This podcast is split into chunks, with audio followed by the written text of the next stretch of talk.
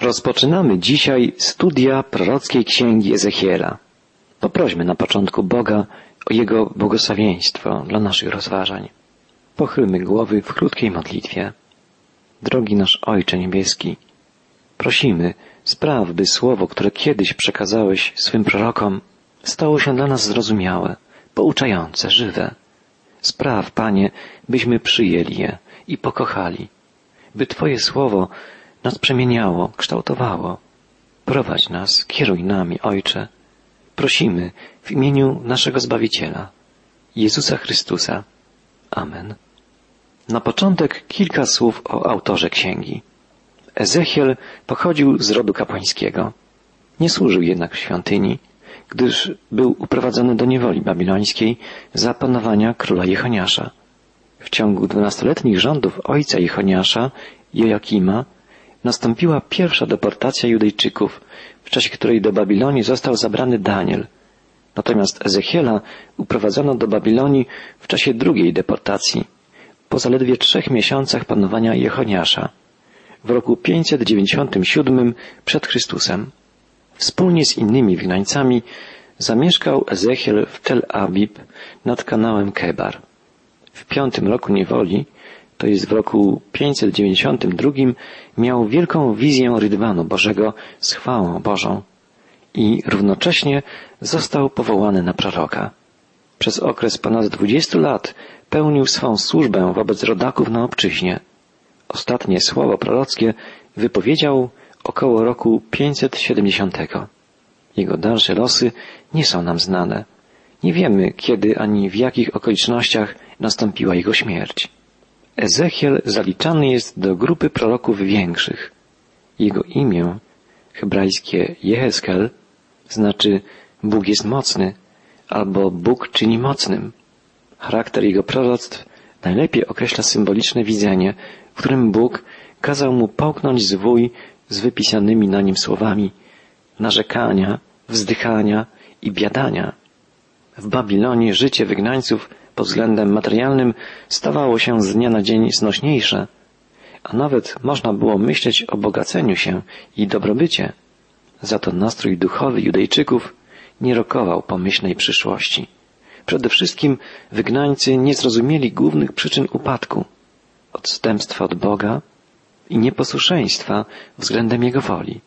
W dodatku, pod wpływem optymistycznych zapowiedzi fałszywych proroków, którzy zasiewali w sercach złudne nadzieje na rychły koniec niewoli, nie myślano o pokucie i szczerym nawróceniu się do Boga. Ezechiel działał współcześnie z Jeremiaszem i Danielem. Jeremiasz był już w tym czasie starszym człowiekiem. Rozpoczął swoją misję zapanowania króla Jozjasza. Po upadku Jerozolimy pozostał wraz z ubogimi niedobitkami w Judei, a potem, przymuszony przez swoich rodaków, wyemigrował wraz z nimi do Egiptu. Dalej głosił tam słowo pańskie. Daniel, uprowadzony do niewoli już w czasie pierwszej deportacji, jako młody człowiek, został zabrany na dwór króla babilońskiego i przebywał tam przez dłuższy czas. Został zarządcą kraju, prawą ręką króla, kimś w rodzaju dzisiejszego premiera. Natomiast Ezechiel, uprowadzony do Babilonii w czasie drugiej deportacji, przebywał wśród judzkich wygnańców osadzonych nad kanałem Kebar, wypełnionym wodami wielkiej rzeki Eufrat. W psalmie 137 czytamy Nad rzekami Babilonu, tam myśmy siedzieli i płakali, kiedyśmy wspominali Syjon. Na topolach tamtej krainy zawiesiliśmy nasze harfy. W tym samym czasie przebywający wśród wygnańców Ezechiel wołał otworzyły się niebiosa i doświadczyłem widzenia Bożego. W trudnych warunkach wygnania prorok przekazywał swemu ludowi słowa, które objawił mu Bóg. Jeremiasz, Ezechiel, Daniel byli prorokami działającymi w tym samym trudnym czasie wygnania, ale każdy z nich miał do wypełnienia szczególne zadanie. Każdy z nich oddziaływał na inną grupę wygnańców. Jeremiasz głosił słowo pańskie niedobitkom pozostałym w Judzie, a potem przebywającym w Egipcie. Daniel oddziaływał na tych, którzy znaleźli się w stolicy Babilonii i skupieni byli wokół dworu babilońskiego króla. Natomiast Ezechiel działał wśród wygnańców osiadłych w dorzeczu Dolnego Eufratu i Tygrysu. Prawdopodobnie trzej wielcy prorocy nigdy się nie spotkali, a jednak ich słowa składają się na jedno zgodne poselstwo, gdyż wszyscy przekazywali w natchnieniu słowa żywego Pana, Boga Izraela. Jakie jest to poselstwo? Księga Ezechiela ma wielkie znaczenie teologiczne. Jej poselstwo jest bardzo ważne. Podkreśla prawdę, że Bóg jest święty. Świętość pobudza Boga do działania i domaga się pełnego uznania od wszystkich ludzi, zarówno od Izraelitów, jak i od pogan. Poselstwo księgi Ezechiela jest określane jako najbardziej uduchowione spośród wszystkich ksiąg prorockich. Skoncentrowane jest w najwyższym stopniu na samym świętym, jedynym, prawdziwym Bogu. Niektórzy bibliści stwierdzają, że Ezechiela można nazwać prorokiem Ducha Świętego, Izajasza z uwagi na obfitość treści mesjańskich prorokiem Syna Bożego, natomiast Jeremiasza prorokiem Boga Ojca. Jednak także w proroctwach Ezechiela znajdujemy treści mesjańskie. Mesjaszem będzie przyszły Dawid, odziany w szatę pasterską, który będzie paść owce w sprawiedliwości, miłości i w obfitości dóbr. Czytamy o tym także w księdze Ezechiela. Wszyscy wrogowie ludu izraelskiego zostaną wtedy zwyciężeni. Proroctwa Ezechiela mają cechy apokaliptyczne. Stanowią bliskie źródło dla Księgi Objawienia Jana, Księgi Apokalipsy, w której znajdujemy wiele obrazów i symboli zaczerpniętych z wizji Ezechiela. Trzech było proroków izraelskich, którzy przemawiali w imieniu Pana, przebywając poza ziemią obiecaną. Ezechiel, Daniel i Jan – wielki wizjoner z wyspy Patmos. Wszyscy trzej pozostawili nam wielkie wizje apokaliptyczne. Posługiwali się językiem symbolu, językiem obrazu, nie mogąc w zwykłych słowach opisać wielkości Bożej chwały. Ezechiel widział oczyma wiary obłok chwały Bożej wypełniający świątynię Pana. Widział także przyszłą chwałę nadchodzącego Bożego Królestwa.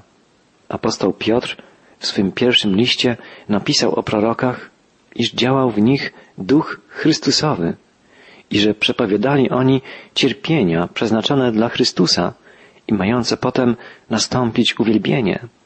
Wydaje się, że Ezechiel wyraźniej niż inni prorocy widział oczyma wiary przyszłą chwałę Pana.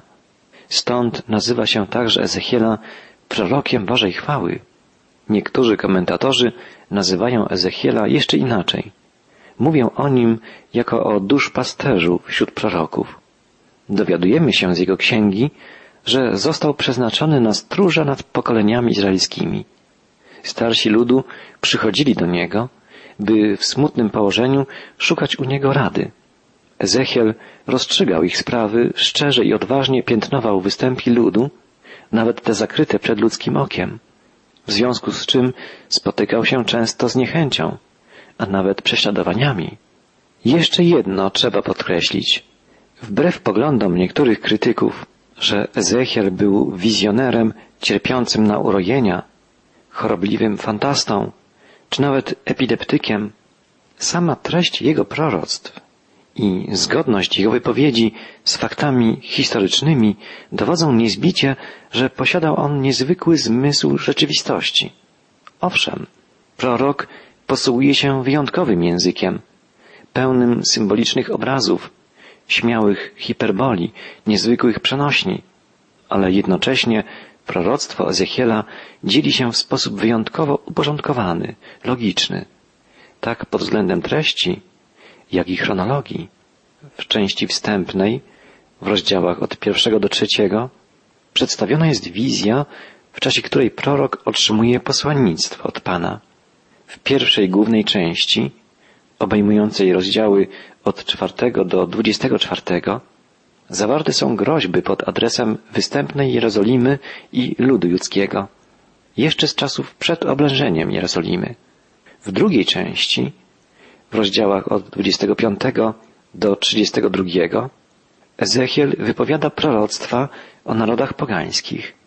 W części trzeciej, końcowej, w rozdziałach od 33 do 48, prorok opisuje wygląd nowej świątyni, nowej służby Bożej i ukazuje przyszłą chwałę nadchodzącego królestwa. Tyle wstępnych uwag. A teraz czas już, by wsłuchać się w słowa proroka Ezechiela. Jego księga rozpoczyna się następującym wstępem. Działo się to roku trzydziestego, dnia piątego, czwartego miesiąca, gdy znajdowałem się wśród zesłańców nad rzeką Kebar. Otworzyły się niebiosa i doświadczyłem widzenia Bożego. Ezechiel przebywa na wygnaniu wśród swego ludu. Doświadcza Bożego widzenia. I tak dalej pisze. Piątego dnia miesiąca, rok to był piąty od uprowadzenia do niewoli króla Joakima, Pan skierował słowo do kapłana Ezechiela, syna Buziego, w ziemi Chaldejczyków nad rzeką Kebar. Była tam nad nim ręka pańska. Mimo, że Ezechiel był kapłanem, nie mógł sprawować służby w świątyni. Został bowiem uprowadzony do niewoli wraz z królem Joakimem, Jechoniaszem, w czasie pierwszej deportacji. Od tego wydarzenia minęło, jak czytaliśmy, pięć lat, a więc świątynia jerozolimska nie została jeszcze zburzona, a władzę w Jerozolimie sprawował wtedy król Sedecjasz.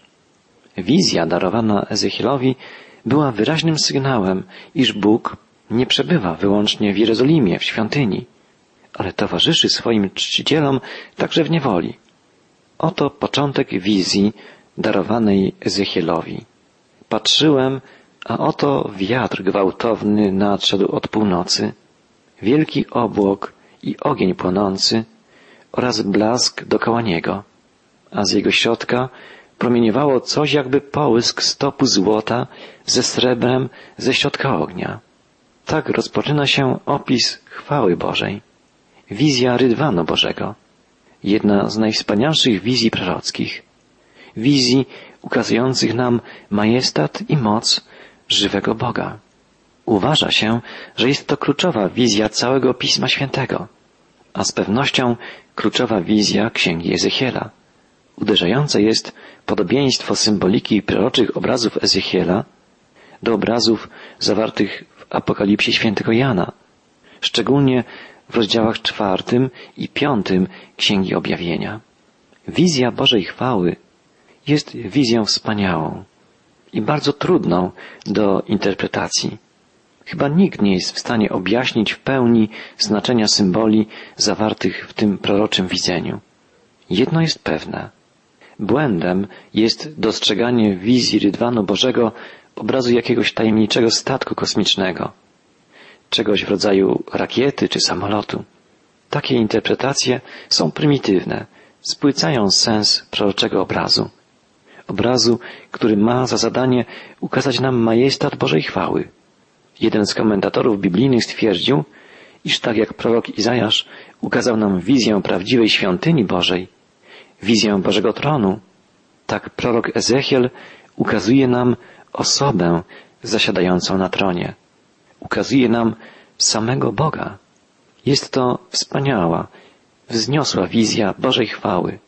Chyba najwspanialsza spośród wszystkich widzeń prorockich Starego Testamentu. Ukazuje nam żywego Boga, panującego niepodzielnie w nieograniczonym obszarze czasu i przestrzeni. Ezechiel woła, patrzyłem, a oto wiatr gwałtowny nadszedł od północy wielki obłok i ogień płonący oraz blask dokoła niego, a z jego środka promieniowało coś jakby połysk stopu złota ze srebrem. Płonący ogień, w jego środku coś promieniującego, jak najjaśniejsze światło. To pierwsza rzecz, jaką musimy zauważyć, wsłuchując się w słowa proroka.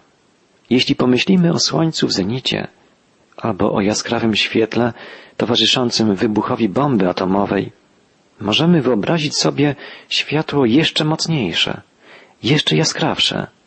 Bóg jest ogniem trawiącym. Czytamy w liście do Hebrajczyków.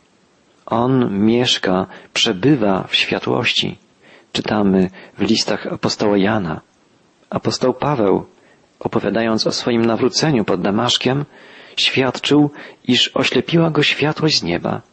Światłość jaśniejsza niż promienie słońca. Prorok Ezechiel widzi płonący ogień, a z jego środka coś promieniującego, jakby połysk stopu złota ze srebrem. Dalej prorok świadczy. Po środku było coś, co było podobne do czterech istot żyjących. Oto ich wygląd. Miały one postać człowieka. Każda z nich miała po cztery twarze i po cztery skrzydła. Nogi ich były proste, stopy ich zaś były podobne do stóp cielca. Czniły jak brąz, czysto wygładzony. Miały one pod skrzydłami ręce ludzkie po swych czterech bokach. Oblicza i skrzydła owych czterech istot, skrzydła ich mianowicie przylegały wzajemnie do siebie. Nie odwracały się, gdy one szły. Każda szła prosto przed siebie. Niezwykłe cztery istoty, przemieszczające się swobodnie w czasie i przestrzeni. Miały, co najważniejsze, postać człowieka. Bóg stał się w Chrystusie człowiekiem. Słowo stało się ciałem i zamieszkało pośród nas. Bóg stąpił na ziemię jako człowiek. To przede wszystkim wyobrażają cztery istoty żyjące, obecne w rydwanie Bożym. Oblicza ich miały taki wygląd. Każda z czterech istot miała z prawej strony oblicze człowieka i oblicze lwa. Z lewej zaś strony każda z czterech miała oblicze wołu i oblicze orła. Cztery symboliczne twarze ukazują nam, podobnie jak postaci z Księgi Apokalipsy, cztery aspekty osoby i dzieła Chrystusa.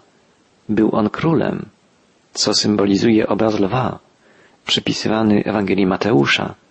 Był on sługą, co symbolizuje sylwetka wołu, a Jezusa jako sługę ukazuje najpełniej Ewangelia Marka. Był doskonałym człowiekiem, o czym przekonuje nas Ewangelia Łukasza.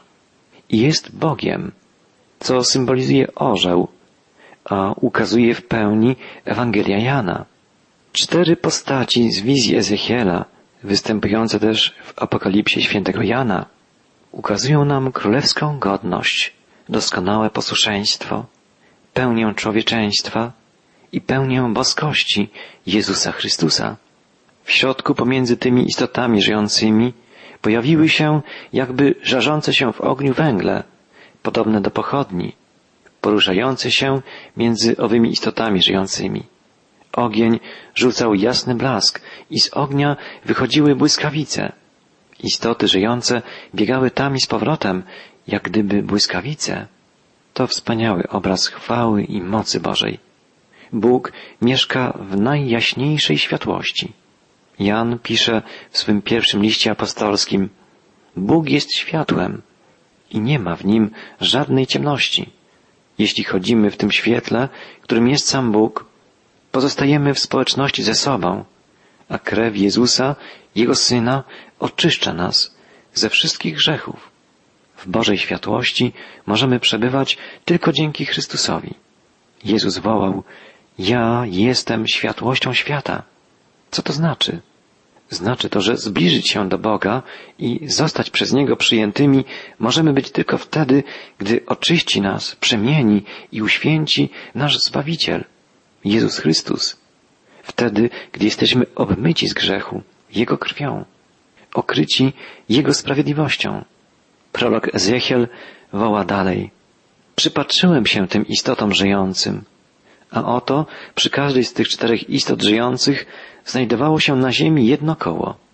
Wygląd tych kół i ich wykonanie odznaczały się połyskiem tarsziszu, a wszystkie cztery miały ten sam wygląd i wydawało się, jakby były wykonane tak, że jedno koło było w drugim. Mogły chodzić w czterech kierunkach. Gdy zaś szły, nie odwracały się idąc. Obręcz ich była ogromna. Przypatrywałem się im. I oto obręcz u tych wszystkich czterech była pełna oczu wokoło.